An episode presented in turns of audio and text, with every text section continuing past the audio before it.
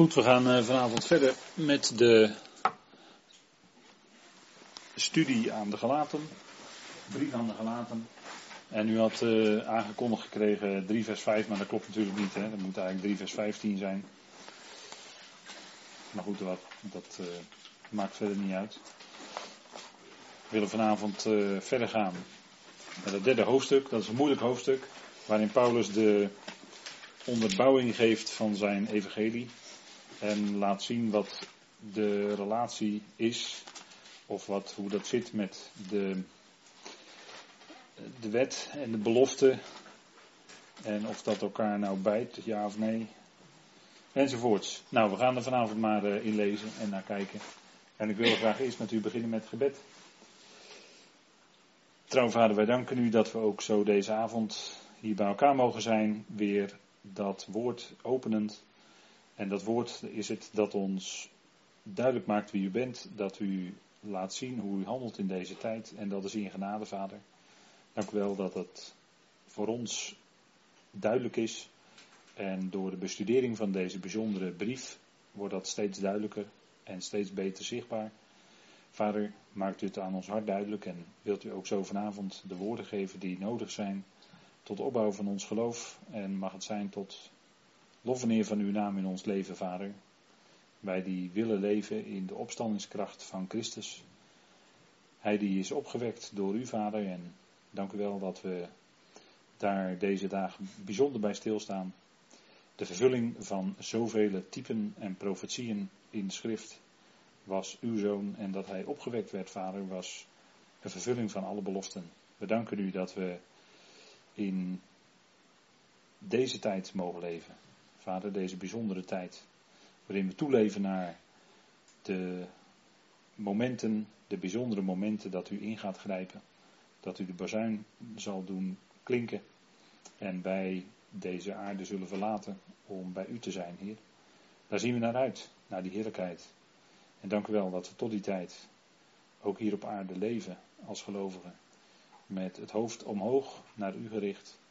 En met ons hart gericht op u die liefde bent. Vader, mogen we ook zo die liefde uitdragen aan anderen en aan anderen bekendmaken. Dank u wel dat u uw plan uitwerkt in deze tijd en dat u ook zo vanavond, Vader, ons wil doen verdiepen in die heerlijke waarheden van u.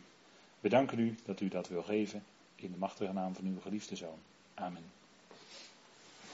Goed, wij uh, kijken vanavond naar Galaten 3 en ik wil graag met u lezen vanaf het, uh, even voor het verband, vanaf het dertiende vers. En ik lees u voor uit de tekst van de concordante vertaling die we tot onze beschikking hebben. En we hopen toch uh, zeer binnenkort te komen met een boekje dat, waarin diverse brieven van Paulus staan. Maar dat willen we ook zorgvuldig doen, dus daar moet nog wat kleine puntjes op de i gezet worden, om het zo maar te zeggen. En dan begrijpt u waarschijnlijk wel wat ik bedoel. Want we willen het alles zo goed mogelijk uh, kunnen presenteren en zo zuiver mogelijk. Dus dat zit er allemaal wel aan te komen en dat uh, zult u zelf wel merken. Maar voorlopig hebben we wel een concordante tekst en daar wil ik u uit lezen. En dat doen wij vanaf vers uh, 13, Galaten 3 vers 13. En dan lees ik met u uh, tot en met vers 19. Christus koopt ons uit, uit de vloek van de wet. Een vloek wordend voor ons, omdat er geschreven staat: Vervloekt is ieder die aan een hout hangt. Opdat de zegen van Abraham tot de natieën zou komen in Jezus Christus. Opdat wij de belofte van de geest zouden ontvangen door het geloof. Broeders, naar de mens zeg ik dit, net zoals dat van een mens wijst niemand een bekrachtigd verbond af of wijzigt het. Aan Abraham nu werden de beloften uitgesproken en aan zijn zaad.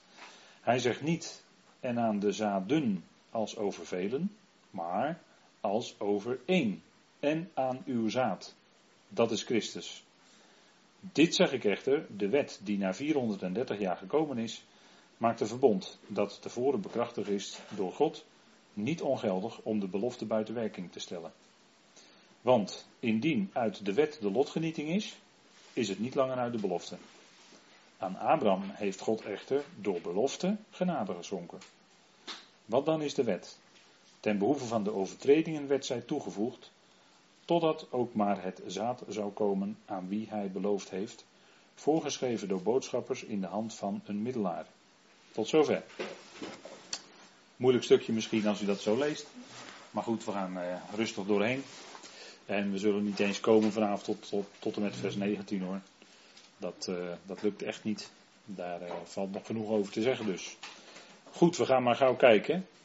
Vorige keer heb ik deze dia ook laten zien. En dat is naar aanleiding van vers 14b. Dat is namelijk die belofte, daar gaat het om. Hè.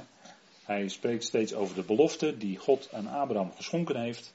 En dat is natuurlijk door geloof, want uh, toen was er nog helemaal geen sprake van de wet.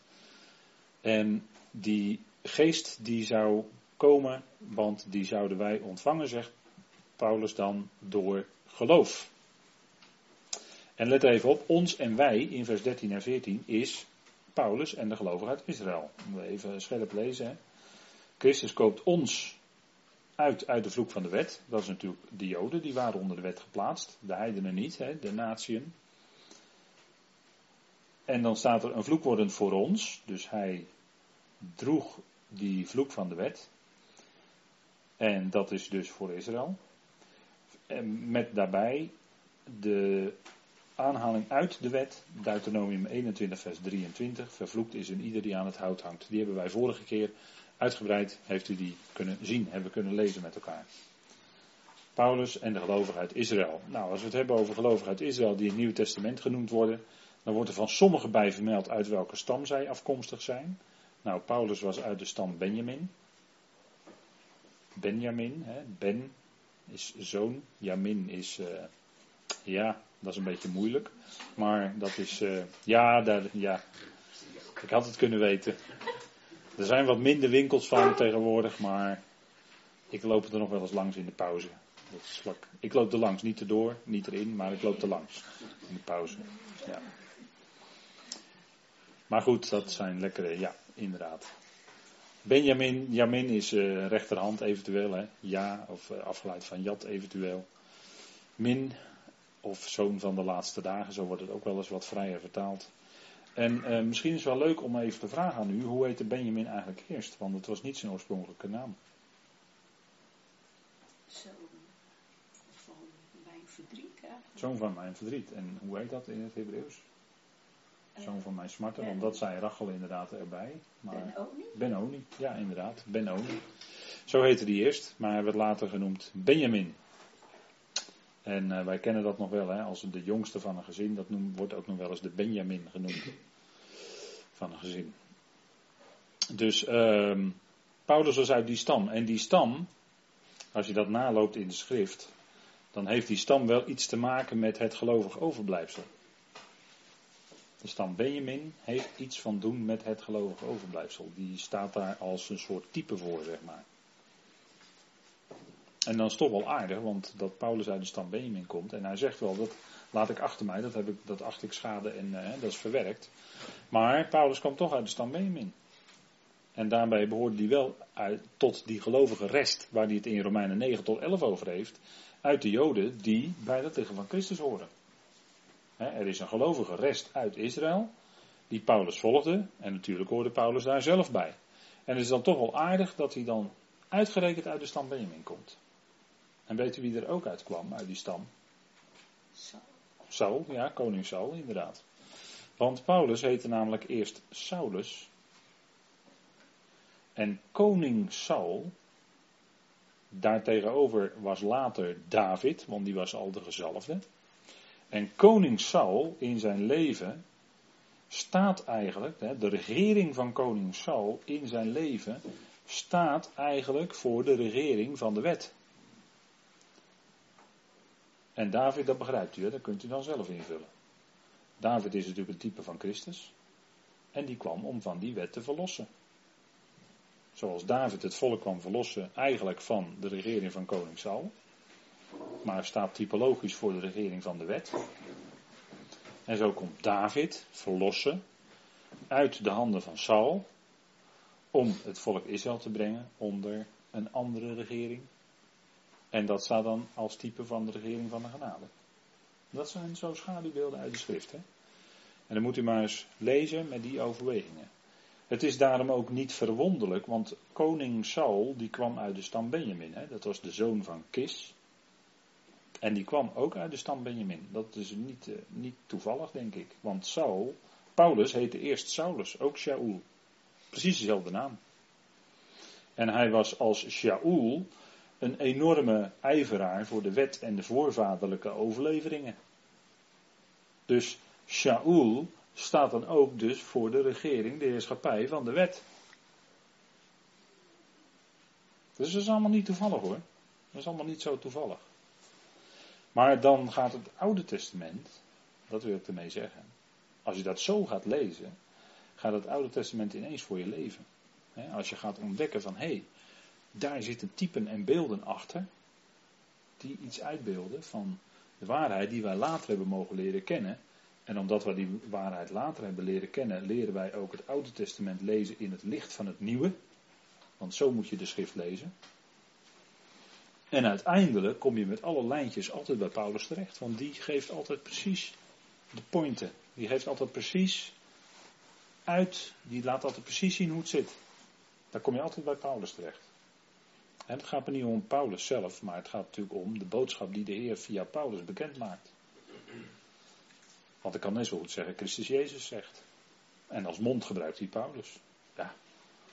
En Paulus werd verguisd, kreeg de stenen naar zijn hoofd. maar dat is helemaal niks nieuws onder de zon, want dat kregen de profeten in Israël ook al.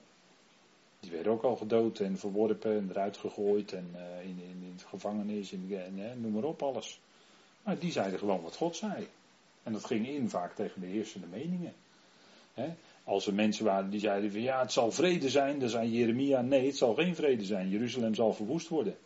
En, Jeruzalem, en Jeremia werd in de kerken gegooid, maar hij kreeg wel gelijk. Gaat er niet om dat Jeremia gelijk kreeg, maar hij sprak het woord van de Heer. En die zei dat het geen vrede zou zijn voor Jeruzalem. Maar die andere broodprofeten, die zeiden dat wel. Die zeiden dat er vrede kwam. Die profeteerden naar hun eigen hart en wat de mensen graag wilden horen. Jeremia niet. Die zei gewoon wat God zei. En dat wilden de mensen niet horen. En dus werd hij in de gevangenis gegooid. Bij Paulus gebeurde toch precies hetzelfde. Die werd toch ook in Filippi in de gevangenis gegooid. Dat is precies hetzelfde verhaal natuurlijk. Want hij bracht Gods woord. Ja, en dat wilde men niet horen. Ging in tegen de heersende opvattingen van de schriftgeleerden. Nou, zo vandaag de dag ook. als een dominee op de kansel echt Paulus gaat prediken, moet je kijken hoe snel die eruit gezet wordt. Dan raakt hij zijn baan kwijt. Als hij het echt doet, hè? Is echt. Dan raakt hij zijn baan kwijt. Dan krijgt hij de kerkenraad op zijn dak en dan wordt hij eruit gezet. Baan kwijt. Dat is, dat is wat er gebeurt, gegarandeerd. Maar goed. Paulus was uit de stam Benjamin. De Heer zelf kwam uit de stam van Juda. En dat moest ook, want hij moest de koning zijn. En dan moest je uit de stam van Juda komen. Dus dat was natuurlijk duidelijke zaak. Hè? En hij zal ook zijn de koning van de koningen en de heer van de heren. Hè? Dus ja, dan moet je uit de stam van Juda komen. De leeuw uit de stam van Juda. Dat, uh, ja, dat zijn allemaal beelden natuurlijk, typen allemaal. De leeuw. Ja, als we nadenken over de leeuw, dan uh, zou je ook nog wel wat, heel wat aardige dingen uit de, uit de schrift kunnen, naar voren kunnen halen hoor. Weet u nog wel? Die zoetigheid die uitging van de sterke. En spijzen ging uit van de eten. Weet u wel? Dat raadsel van Simpson. Dat was een leeuw die die had verscheurd. Er kwam honing uit die leeuw. Nou, dat is een type van de wijsheid. Hè? Honing is vaste spijs. Dat is een type van de wijsheid die komt uit de mond van Christus. En de leeuw is een type van Christus. En wat komt er dus uit die leeuw? Honing. Zoals uit Christus, uit zijn mond, wijsheid komt voor deze tijd. Dat, is gewoon dat zijn gewoon de typen uit de schriften. Dat is mooi hoor, ik vind dat, ik vind dat prachtig. Als je dat er zo allemaal, hè, als je daar iets van naar je toe krijgt en dan ga je dat zien, dan is dat geweldig. En dan zie je gewoon dat die schrift gewoon één harmonie is, één, één geheel is. En al, altijd van dezelfde dingen spreekt, want het komt altijd uit bij Christus. Altijd. daar waar mensen evangelie prediken en Christus staat niet centraal, dan moet je je afvragen wat er aan de hand is. Maar in evangelieprediking moet hij centraal staan. Want hij is het evangelie. dat kan niet anders. Je moet altijd bij schriftstudie moet je altijd bij de Heer uitkomen. Gegarandeerd. Nou, dat is ook zo. Dat deed de Heer toch op weg naar. Uh, met die Emmausgangers liep hij toch mee. Toen liet hij toch zien al wat in de schrift op hem betrekking had. Nou, dat was heel wat. Hij heeft maar een fractie kunnen laten zien, denk ik. Maar dat was al heel wat, denk ik, wat ze toen hoorden. En toen, toen kregen ze door, ja, wacht eens even. En toen zeiden ze achteraf, was ons hart niet brandend in ons. En toen kwam de Heer s'avonds, te midden van al diegenen met wie ook die Emmausgangers verzameld zaten in die opperzaal, kwam de Heer ineens in hun midden. En toen ging die nog een keer. Toen ging die nog een keer, toen ging die hen duiden wat uit de Torah, uit de profeten en uit de psalmen op hem betrekking had. Nou, en als u het mij vraagt, dan spreekt elke psalm op een of andere manier van Christus. Elke psalm. dat zou een studie apart zijn, maar wel een geweldige studie hoor. Want het wijst steeds op hem die komen zou. En die blijkt de verlosser van de wereld te zijn. Opgewekt uit de dood. Nou, dat is natuurlijk fantastisch hè. Als je die levende Heer kent, ja, dan is het ook Pasen in je leven. Zo is dat. Nou, dan hebben we bijvoorbeeld Anna, hè, om maar eens iemand te noemen, uit de stam Azer kwam die. Jozef kwam ook, die werd gerekend als zijnde uit de stam van Juda. Dat is die werd gerekend als de vader van de Heer. En Maria kwam ook uit de stam van Juda. Nou, zo heb je er een aantal van die bekennen en uit welke stam ze komen. En dat is eh, voor Israël natuurlijk wel van belang en voor de rangorde, voor de afkomst van de Heer is dat natuurlijk van groot belang. Maar je ziet dus Juda, is toch wel aardig, de Heer komt uit de stam van Juda en Paulus kwam uit de stam van Benjamin. Dan heb je Juda en Benjamin bij elkaar. Hè? Dat is uh, steeds de lijn in de schrift ook. Maar straks zal het worden één, hè, dan zal Israël één worden, alle stammen zullen verenigd worden weer, twaalf stammen.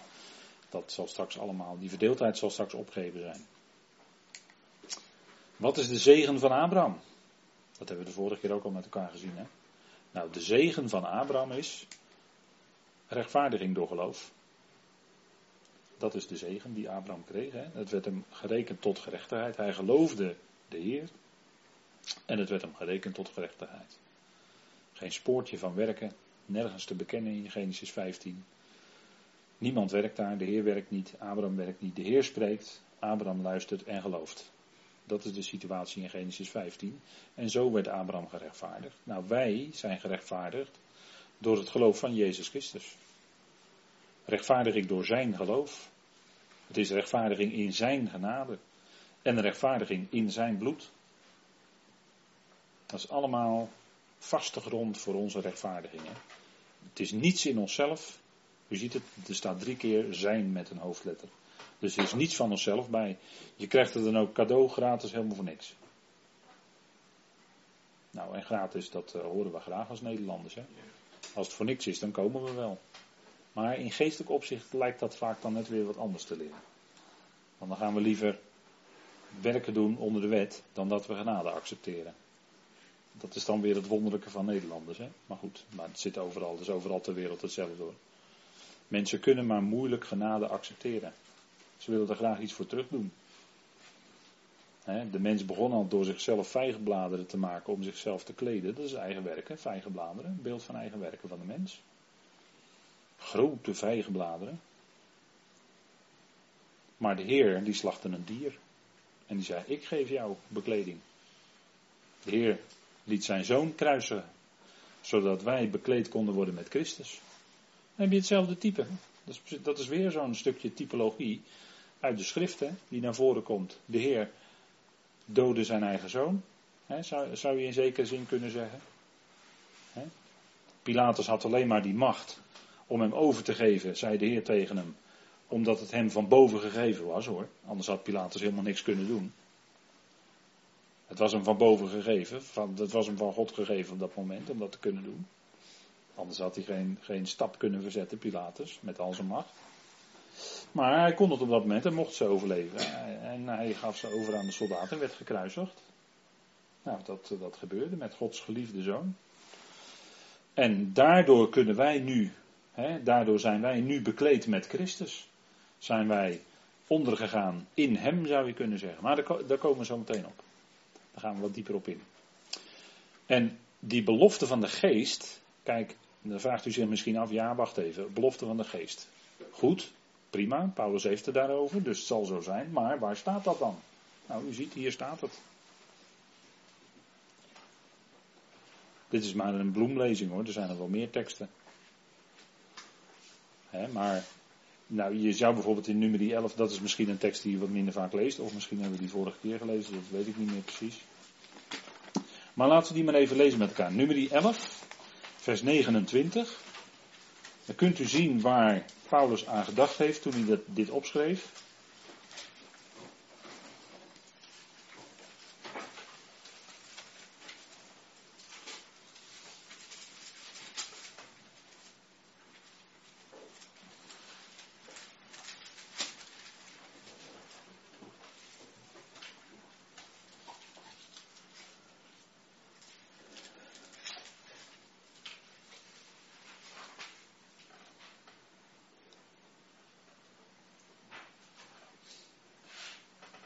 En daar is uh, Mozes in gesprek met Jozua, de zoon van Noen. Dat is ook wel aardig hoor, de zoon van Noen. De Noen is de vijftige. De Noen is namelijk een Hebreeuwse letter. En die heeft de getalswaarde 50. En Jozua, Jehoshua, was de zoon van Noen. Had dus te maken met de 50. En er waren meer dan 500 broeders die de Heer gezien hebben. Dat is 500. Dat is nog een factor hoger dan 50. Ook dat heeft betekenis. Hè? Maar goed, eh, vers 29 staat er. Um, Mozes zei tegen hem: Zet u zich voor mij in, och of allen van het volk van de Heer profeten waren, dat de Heer zijn geest over hen gaf. en letterlijk staat er: Wie geeft dat allen van het volk van de Heer profeten waren? Dat de Heer zijn geest overgaf. Dat, dat was Mozes wens op dat moment. Maar daar werd dus gesproken over die geesten. En, en uh, die belofte van de geest, die lezen we bijvoorbeeld ook. Dat zijn natuurlijk een hele bekende tekst is dat, uit uh, Joel 2. Joel 2, laten we dat ook even met elkaar lezen. Dat wordt door Petrus aangehaald op de Pinksterdag.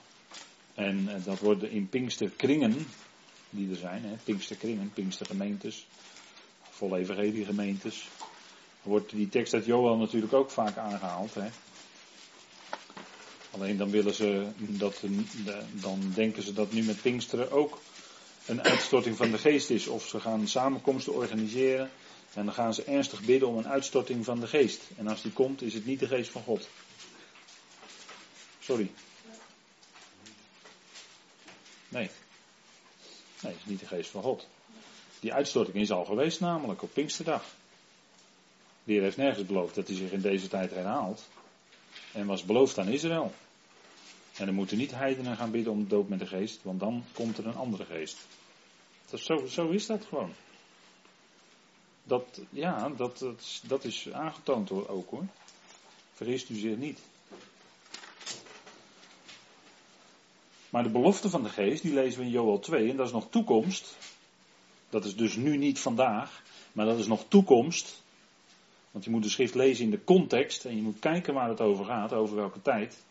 En je moet niet een bepaalde waarheid voor de toekomst nu al gaan toepassen, want dan ben je verkeerd bezig. Net zoals je niet kunt zeggen dat in het verleden de opstanding heeft plaatsgehad en dat er dus in de toekomst geen opstanding meer is. Want dat zeiden Hymenaeus en Philetus. Want dan zit je naast de waarheid. Nou, als je gaat zeggen dat er nu een uitstorting van de geest is, vandaag met Pinksteren, al is er een conferentie van opwekking, dat maakt mij helemaal niet uit. Waar ze dat misschien zeggen. Maar die zitten er gewoon naast. Ja, sorry. Daarna staat er in Joel 2: zal het geschieden dat ik mijn geest zal uitstorten op alle vlees. En uw zonen en uw dochters zullen profeteren. Uw ouderen zullen dromen dromen en jonge mannen zullen visioenen zien. En dan zeggen ze in Pinksterkringen, ja maar de geest is uitgestort, want, uh, want uh, er zijn er die profeteren, er zijn er die dromen dromen, er zijn er die visioenen zien. En wat zien ze dan in die visioenen? Nou, niet de waarheid. En als Jezus dan aan hen verschijnt, is het niet Jezus.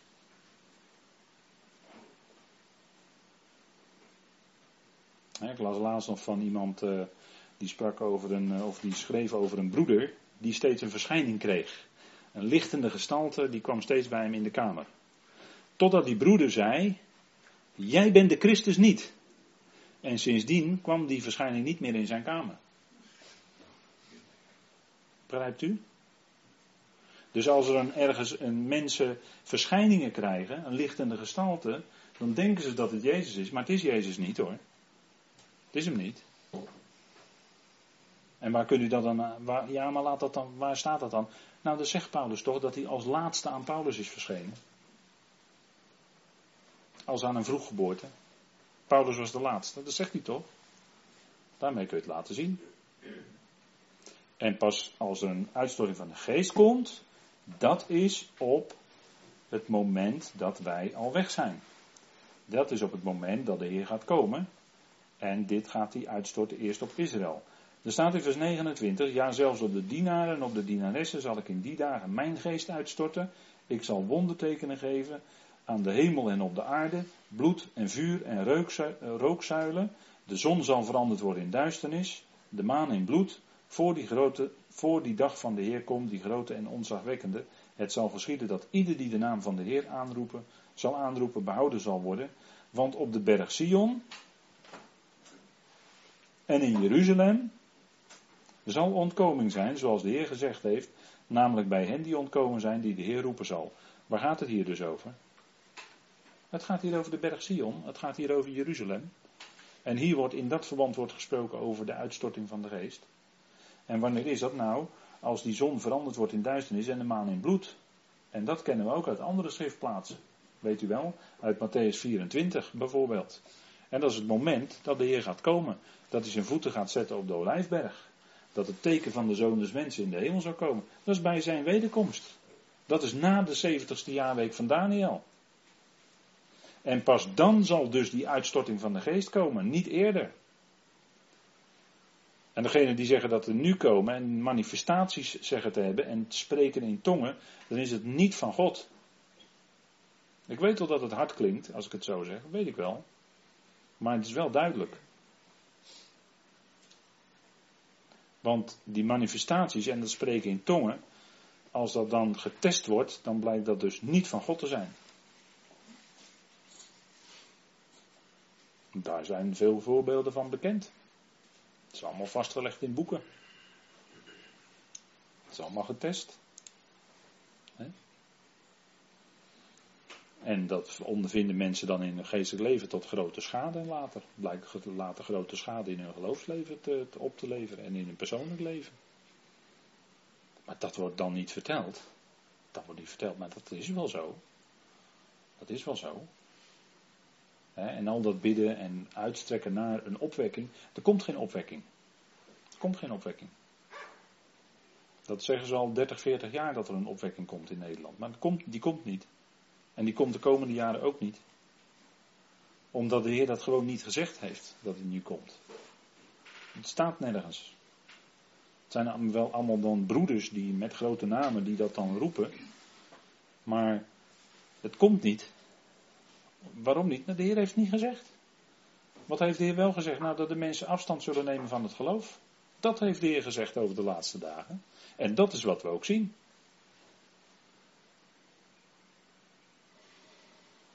En we kunnen het niet mooier maken dan dat het is.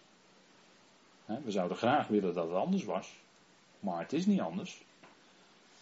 Nou, dat, dat dus die, die geest, die is gekomen met Pinksteren. Daarna is de geest enorm gaan werken. En is er iets bijzonders ontstaan met de prediking van Paulus. Met de prediking van Paulus, waarvan Paulus zegt: Het is mijn evangelie. En wat komt in dat evangelie naar voren? De verzegeling met de geest, de heilige geest van de belofte. Het inwonen van de geest. En inderdaad ook het dopen met de geest, maar dat gebeurt op het moment dat je tot geloof komt. Dan word je gedoopt in zijn geest. Dan word je daarin gedrenkt en word je toegevoegd aan het lichaam van Christus. Op dat moment. Word je bewust dat je lid bent van het lichaam van Christus. Dat is het werk van de geest, maar dat is niet spectaculair. Daar ga je niet van liggen trillen op de grond of lachen. Dat gebeurt allemaal hoor. In bijeenkomsten. Dat noemen ze dan lachen in de geest. Nou, het is gewoon echt niet van de geest. Dat zijn demonische werkingen. dat is niet, uh, En dat, dat is triest dat het allemaal gebeurt met mensen. Triest. Nou, zo zijn er nog meer beloften. Hè? Zachariah 4 vers 6, 12 vers 10. Dat uh, de geest van de genade en de gebeden die de Heer dan uitstort enzovoort. Ezekiel heeft ervan geprofiteerd, heel uitgebreid. Verschillende plaatsen. Jezaja, Jeremia, je kunt het allemaal op deze dia staan de teksten, dus die kunt u allemaal voor uzelf eens rustig nalezen. Het zijn allemaal beloften voor de toekomst die met Israël te maken heeft. En dat wij de geest ontvangen en met de geest verzegeld worden, en dat de geest in ons woont, dat is ook een stukje vervulling van die belofte, maar dan op een hele speciale manier bij Paulus. en zo werkt het in het lichaam van Christus. En, en dat is eigenlijk uniek als we kijken in Gods plan. dat was in, in de tijd van handelingen niet zo bij de geloof uit Israël. Daar kwam de geest op, maar zij werden niet verzegeld met de geest. Zo zal het straks ook zijn. De geest zal op hen komen, zal in hen werken bij gelegenheid. Maar ze zullen niet verzegeld worden met de geest. Dat geldt alleen voor het lichaam van Christus. Het kan, kan, niet, het kan niet anders dan zo zijn. Zo, het staat alleen bij Paulus. En dat is dus ook een stukje vervulling van die belofte van de geest. Abraham heeft de Messias Jezus gezien. Ja, zegt de Heer, Abraham uw vader in Johannes 8 vers 56. Abraham uw vader verheugde zich er sterk op dat hij mijn dag zou waarnemen. En hij heeft die waargenomen en werd verheugd. Abraham heeft iets geweten van in ieder geval wel van de belofte dat, er een, dat de Messias zou komen. Hè? Het, beloofde, het beloofde zaad van de vrouw, Genesis 3, vers 15. Nou, denk erom dat die belofte in de geslachten door is gegeven. En dat die ook bij Abraham terecht is gekomen. Dus Abraham wist dat er in de toekomst iemand zou komen die beloofd was. En hij, had, hij kreeg ook zelf een zoon van de belofte, Isaac. En in Isaac zal hij gezien hebben. Er moet iemand komen die meer is dan Isaac een beloofde, maar die zal nog in de toekomst komen. En zo heeft Abraham dingen kunnen waarnemen op een of andere manier. Hij heeft de stad met fundamenten gezien. We weten niet wat hij nog meer gezien heeft. Maar misschien heeft hij iets gezien.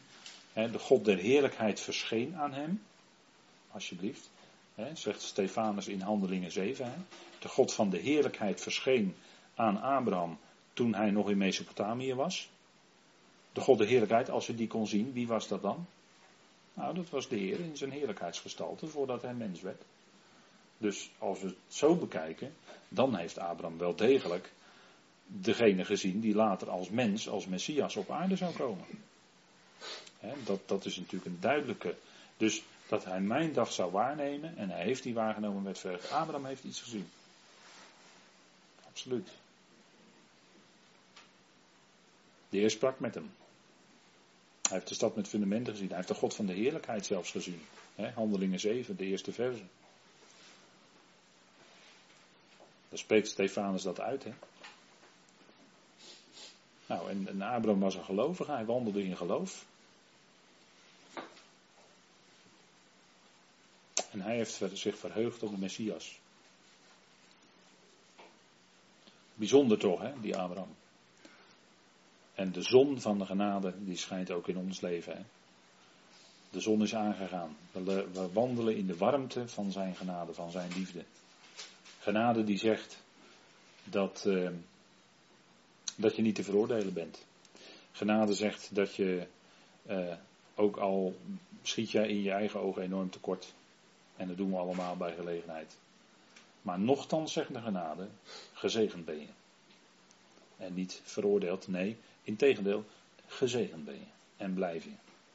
En dat is het geweldige wat de genade elke dag eigenlijk tegen ons zegt. En daar kunnen we God voor danken op onze blote knieën. Kijk, de zegen van Abraham ging naar de natieën. Paulus die laat dat zien in Romeinen 4. Hè? Zoals Abraham geloofde. En dan zegt hij, nu is het niet alleen ter wille van hem geschreven dat het hem toegerekend is maar ook ter wille van ons.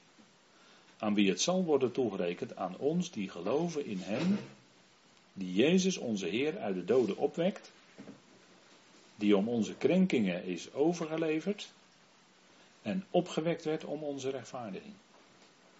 Kijk, toen hij opgewekt werd uit de doden, dat was als, als een bezegeling van het feit van de rechtvaardiging.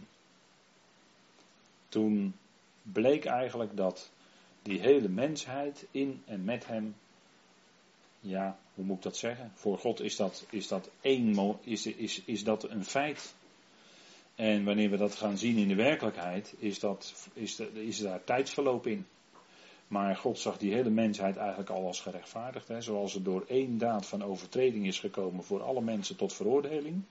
Zo komt het ook door één daad van gerechtigheid voor alle mensen tot rechtvaardiging van leven. Dat is het evangelie. En zo is dat. Romeinen 5. Nou, dat is, dat is een feit. dat is ook Pasen. dat, dat we gerechtvaardigd zijn. Ja, niet door, door, door, iets wat wij, nee, wel nee, door zijn werk. En dat feit dat hij opgewekt werd, is ten diepste, dat hele gebeuren is ten diepste zo, die hele mensheid gerechtvaardigd. Dat zegt Paulus eigenlijk. En dat laat hij ook zien in Romeinen 5, hè, maar had het al in Romeinen 3 eigenlijk gezegd. Maar in Romeinen 5 nog eens een keer. Die hele mensheid hè, in de laatste Adam begrepen. Fantastisch hoor. Dat is werkelijk evangelie hoor. Absoluut. Dat is echt evangelie. Nou, dat is een heerlijk woord wat Paulus ons meegeeft. Hij werd opgewekt om onze rechtvaardiging. Dat is ook de zegen van Abraham. Maar dan in, in de hele diepe zin via het lijden en sterven en de opstanding van Christus uitgewerkt. Ja, dat is geweldig hoor, die lijnen. En zegt hij, ja, maar die wet is er tussen komen. Ja, inderdaad, die kwam er tussenin. Maar dat maakte eigenlijk niet veel uit.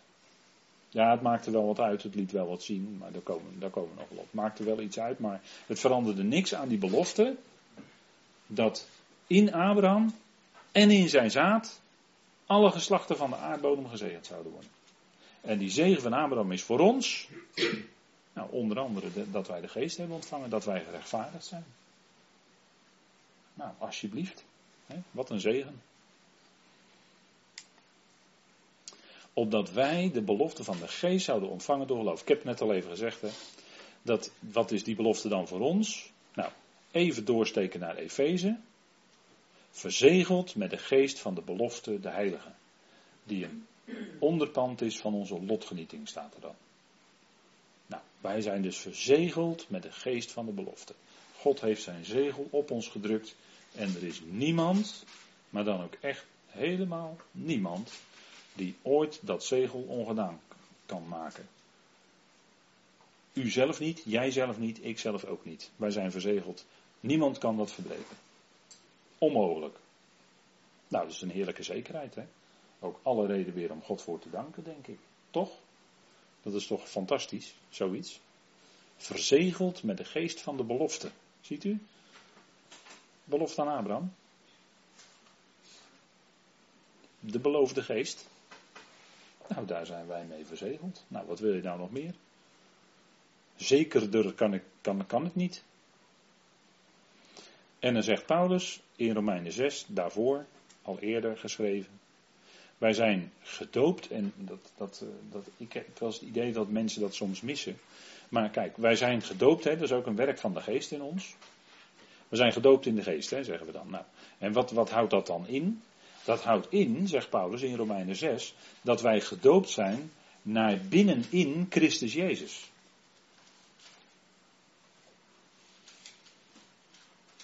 Net zoals de Israëlieten, ik hoop dat ik het niet te moeilijk maak, maar kijk, want dopen in, wat wil dat zeggen? Dopen in betekent vanuit de schrift eenwording met en reiniging. Reiniging en eenwording. En nu zeg ik iets wat we al jaren geleden, jaren, vele jaren geleden al, al, uh, al, uh, al over, uitvoerig over gesproken zijn in de Bijbelkring. En als ik even dan iets verder tel, een aantal jaren daarna, een jaar of tien daarna weer. En nu hebben we het er weer over. Maar het is goed om dingen te herhalen. Maar kijk, we zijn gedoopt naar binnen in Christus Jezus. Dat betekent A, reiniging. En B, betekent het één worden met.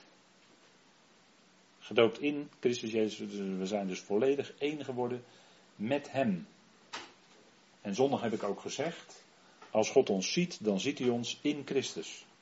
Dan ziet hij ons smetteloos. Dat is het resultaat van deze doop, de doop in de geest. We zijn door die geest en met die geest gedoopt naar binnen in Christus Jezus. Dat is een puur geestelijke zaak. En het resultaat is dus dat wij in Christus Jezus zijn. Wij zijn gelovigen in Christus Jezus. Zegt Paulus in Efeze 1, vers 1. Hè? Daar adresseert hij de brief aan. Aan alle heiligen die ook gelovigen zijn in Christus Jezus. En wat zijn dan de gevolgen van het feit dat wij gedoopt zijn naar binnen in Christus Jezus?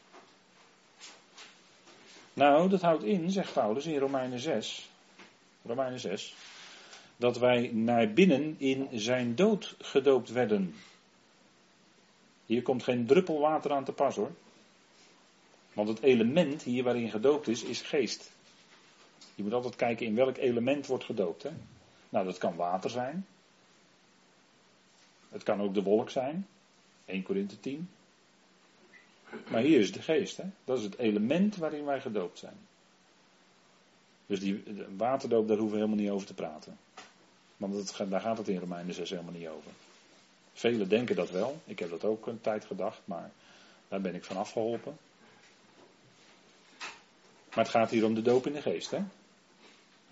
We zijn naar binnen in zijn dood gedoopt. We zijn naar binnen, dat staat in Romeinen 6. We zijn naar binnen in zijn dood. Pakt u het er maar bij, Romeinen 6. Dan zijn we naar binnen in zijn doop. Wij allen, wij allen hè, of voor zo, zoveel als wij in Christus, naar binnen in Christus Jezus gedoopt zijn, of werden, werden in zijn dood gedoopt. Dus die eenwording, dan, dan, ziet, dan, dan moet u zien dat u één geworden bent met hem. Hoe? Nou, in zijn, met zijn dood, in zijn dood. In zijn dood. Indien, ik kan het ook zeggen met de woorden van 2 Korinthe 5 hoor. Indien één voor allen gestorven is, zijn ook allen gestorven. dat is, dat is zo'n geweldige waarheid. Dat is, dat, eh, dat is fantastisch hoor. Je zegt, ja, allemaal gestorven, geweldige waarheid. Waar ben je nou zo enthousiast over? Nou, dat is het einde van de oude mensheid. Daar ben ik wel enthousiast over hoor. Die oude mensheid voorbij. En wat er dan tevoorschijn komt, is de nieuwe. Dat is heel wat beter. We zijn er binnen in zijn dood gedoopt. We zijn dus tezamen met hem begraven. Staat allemaal in Romeinen 6 hoor. Wat betreft onze oude mens, dus zand erover. Ja, dat is erg duidelijk hoor, wat Paulus daar allemaal zegt. En wat is dan het resultaat? Nou, dat wij dood zijn voor de zonde. En dan nu in de praktijk daarmee rekenen. Want Romeinen 6 gaat natuurlijk over onze praktijk. Hè? Daarmee rekenen. Voor, voor Christus geldt dat ook. Hij is ook dood voor de zonde. Hij is dood voor de zonde en hij leeft voor God in. Maar hij leeft voor God, staat er. Romeinen 6, vers 10. Ik ben bang dat we dat al snel vergeten, hè? maar we zouden dat niet vergeten hoor. Kijk, Romeinen 6, vers 10 zegt: Want wat zijn sterven betreft, is hij eens voor altijd voor de zonde gestorven. Dus eens, eens voor altijd voor de zonde gestorven staat hier, hè, Romeinen 6, vers 10. En wat zijn leven betreft, want voor hem is het nu alleen nog leven, leeft hij voor God. En dat geldt voor ons precies één. Dood voor de zonde, leven voor God. En dat is het resultaat van onze eenwording met Christus. Daar heeft Paulus het over in Romeinen 6. Nou, dat is ook goed nieuws, want dat betekent dus, dan is het oude voorbij, want die oude mensheid, dat is eh, Romeinen 6 vers 6, die is mede gekruisigd. Aan het kruis ermee. En zo rekenen dat die oude mensheid ook mede gekruisigd is. Opdat het lichaam van de zonde teniet gedaan zou worden en we niet meer als slaaf de zonde zouden dienen. Kijk, die zondemacht is nog wel in ons leven aanwezig. Maar wij hoeven niet meer slaven van de zonde te zijn. Daar gaat het om in Romeinen 6. Wij, wij zijn slaven geworden van een andere regeerder. Eerst waren we slaven van de zonde en nu zijn we slaven van de gerechtigheid of slaven van God. Als je Romeinen 6 verder doorleest, hè, het hele hoofdstuk. Dus andere, we, we blijven slaaf, maar nu van God. En niet langer van de zonde. Dus niet langer in slavernij onder de zonde. Maar nu slaaf van hem, van God. Met, hè, hem met een hoofdletter.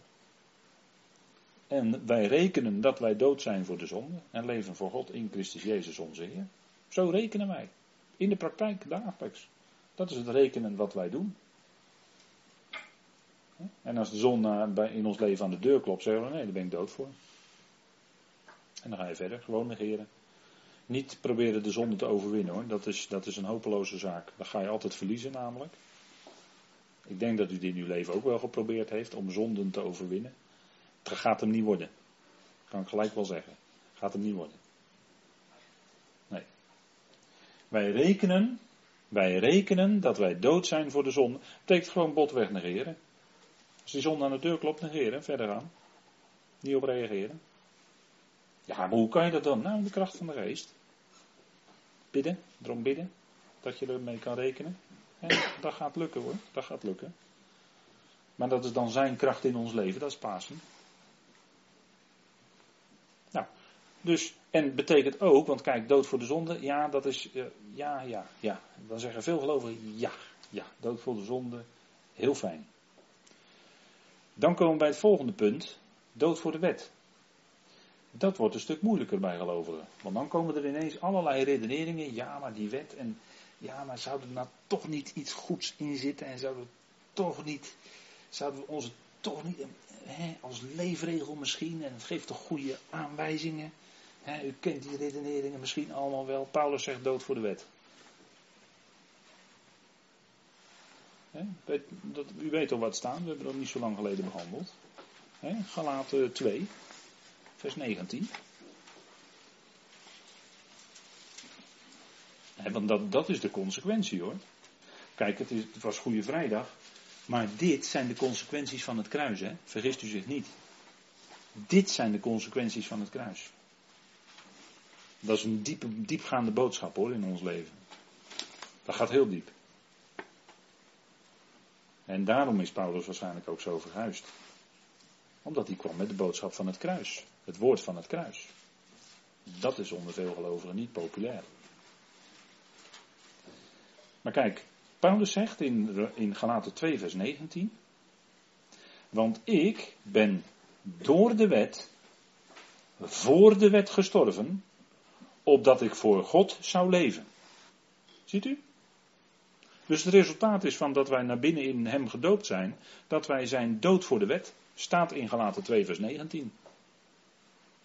En dan kan u alles redeneren wat u wil, maar dan gaat u omgelaten 2 vers 19 heen. En wij zouden daar niet omheen willen.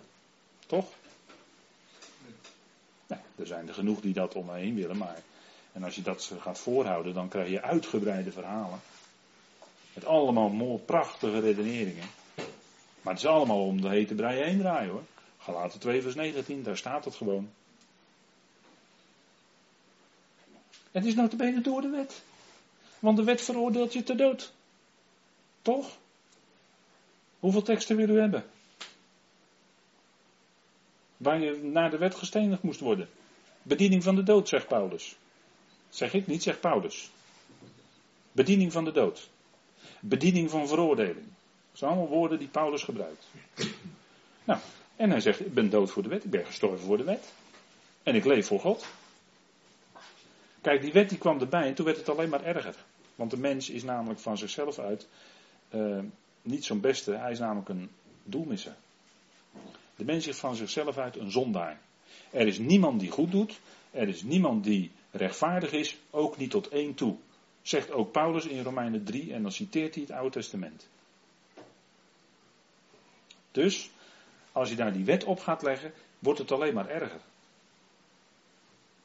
Dat, is zo want kijk, om de overtredingen, om de overtredingen willen, is die wet daarbij gevoegd. Omwille van de overtredingen. En dat zegt Paulus in uh, Galaten 3. Als ik me niet vergis, want ik citeerde deze tekst, maar tegelijkertijd dacht ik, Waar staat hij dan? Want hij staat er wel. Onder de overtredingen is hij erbij gevoegd. Dus hij maakte, de wet maakt namelijk van de zonde een overtreding. Ja, vers 19. Galaten 3, vers 19. We zaten in 2 vers 19, maar we gaan nu naar 3 vers 19. Dan zegt hij, maar dat gaan we nog behandelen, dus daar gaan we nog uitvoeriger dan op terugkomen. Wat, dan, wat is dan de wet?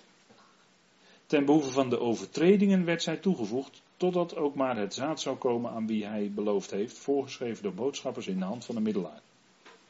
Nou, die boodschappers en die middelaar, dat is allemaal met Mozes hadden te maken, hè? de wet. Dus die wet werd erbij gevoegd omwille van de overtreding. Dus de wet maakte van de zonde een overtreding. En wat liet God daarmee zien? God liet daarmee zien, door de wet te geven aan het volk, dat de wet het niet, de mens niet verbetert, maar dat de wet het alleen maar erger maakt. En alleen maar meer duidelijk maakt dat de mens een doelmisser is. En dat als hij zelf de wet moet volbrengen, dat het een hopeloze zaak is. Nou, en dat, dat, is, uh, dat is een van de functies van de wet. Maar daar komen we nog wel op terug hoor, waarom God dan die wet toch gegeven had. Maar Paulus zegt, ik ben dood voor de wet. En voor zover wij in ons leven met de wet te maken hebben gehad, en misschien heeft u dat wel, kunt u met Paulus zeggen, nou ik ben dood voor de wet. Ik ga niet bewust proberen de wet te houden, want het, dat is een, echt een hopeloze zaak hoor. Ga het maar proberen, maar het gaat je niet, uh, het gaat echt, gaat, ook dat gaat hem niet worden. Dus zelf proberen zonde te overwinnen? Nee. Zelf proberen de wet te houden? Nee. En, en het laatste is dan dood voor de wereld, dat is ook consequentie. We zijn dood voor de wereld. Gestorven voor de wereld, hebben we eigenlijk weinig meer mee van doen. Ja, we leven er middenin, zegt u. Maar we zijn er niet van. En ja, dat, is, dat kan soms ook voor de gelovigen een struikelblok zijn dood, eh, dood voor de wereld betekent ook dood voor de religieuze, de religieuze wereld. En die kan zo toch nog wel eens een bekoring hebben opgeloven. Hè? Religie, toch wat willen doen. Ja, dat kan niet met genade. En aan de andere kant hè, geeft God in ons zijn kracht, zodat we wel. En dan is het weer, hè, dan zeg ik nou, Pasen, zijn kracht in ons. Maar dan heb jij geen roem meer. En daar, daar zit de kneep, hè. Heb jij geen roem meer. Dan ben jij namelijk als zelf, als mens, niet meer belangrijk. Wel voor God belangrijk, omdat Hij door je heen werkt. Maar je hebt niks meer te roemen, want het is allemaal zijn werk. Hè? Dat, dat zingen ze, daar, daar, is toch een lied van alle roem is uitgesloten, geloof ik. Of alle roem is. Uh... Nou, dat is een mooi lied. Dan, als, niet, als dat de tekst is, is dat een mooi lied. Alle roem is uitgesloten. Alle roem is, alle eer en roem is voor hem namelijk. En dat geeft een flinke zet tegen onze eigendunk. Tegen onze, wat we zelf, dat we zelf nog wat denken dat we wat zijn. dat is de aanstoot van het kruis, noemt Paulus dat in, uh, in Galaten 5. Een belastige brief hoor, die Galaten. Kom je natuurlijk van alles tegen. Dan loop je misschien wel snoeihard tegen jezelf aan. Kan best hoor, door de bestudering van Galaten. Ja, en daarom wordt hij denk ik ook maar relatief weinig bestudeerd in geloofskringen, denk ik. Denk ik, merk ik wel eens. omdat het een hele lastige brief is. Want de aanstoot van het kruis is dat ook jij als gelovige, voor betreft jouw werken, ja, misschien mag je veel doen in dienst van de Heer, kan, werk van de Heer, kan je misschien veel in doen, maar je hebt niks om het op te beroemen. Want het is zijn werk. Het is wat hij in jou doet. Dus ja, daar, daar valt weinig, uh, ook daar valt dan weinig eer te behalen voor onszelf. Hè? Maar je wil dan ook van binnenuit eigenlijk alle eer aan hem geven. dat is zoals wij gelovigen erin zitten. Wij willen zijn tot eer van hem. Dat ons leven is tot eer en verheerlijking van zijn grote naam. als je gaat ontdekken wat hij voor je gedaan heeft, dan wordt dat je instelling. Nou, dood voor de wereld is het ook. Die gelaten. Nu is Paulus eigenlijk, hè, met, met dat van de geest, is hij eigenlijk weer terug in vers 2, zou je kunnen zeggen. Want daar begon hij te spreken over de geest. Hè. Hoe hebben jullie nou die geest ontvangen? Uit werken van de wet of het horen van het geloof? Nou, de vraag stellen is een beantwoorden. Want dat is natuurlijk uit het horen van het geloof. Dat wisten ze ook wel. En nu is het voor die gelaten duidelijk, er gaat zo'n licht op, het lampje gaat aan. Opdat de belofte, zegt hij namelijk in vers 22, opdat de belofte uit het geloof van Jezus Christus wordt gegeven aan hen die geloven. Alsjeblieft. Opdat de belofte uit het geloof van Jezus Christus wordt gegeven aan hen die geloven. En opnieuw, niet ons geloof, nee, zijn geloof. Even goed bij de les blijven. Paulus is onze leraar. Goed blijven luisteren naar hem. Goed opletten. Nou, dus het is nu duidelijk, hè, er gaat onze licht op. Kijk, nee, wacht even, nee, het is allemaal van hem. Die geest die hebben we ontvangen, die belofte hebben we ontvangen. Het is al genade. Eén en al genade. Dat is de boodschap. Ja, en als je dat hoort en als je daar blij van wordt en blij van blijft, dan wil je niet anders, toch? Dan wil je niet anders meer. En we leven ook in de tijd van overstromende genade. De sluizen zijn opengezet en het stroomt over. daar waar de zonde meerder wordt, ook bij mensen onder de wet, dan wordt het alleen maar meer. Maar de genade, die stroomt daar overheen. Overstromende genade. Heerlijk. Verfrissend. Koel. Cool. Als je verhit bent van je eigen werken, nou laat die koele genade maar over je heen stromen. Dan koel je lekker af en dan dank je de Heer.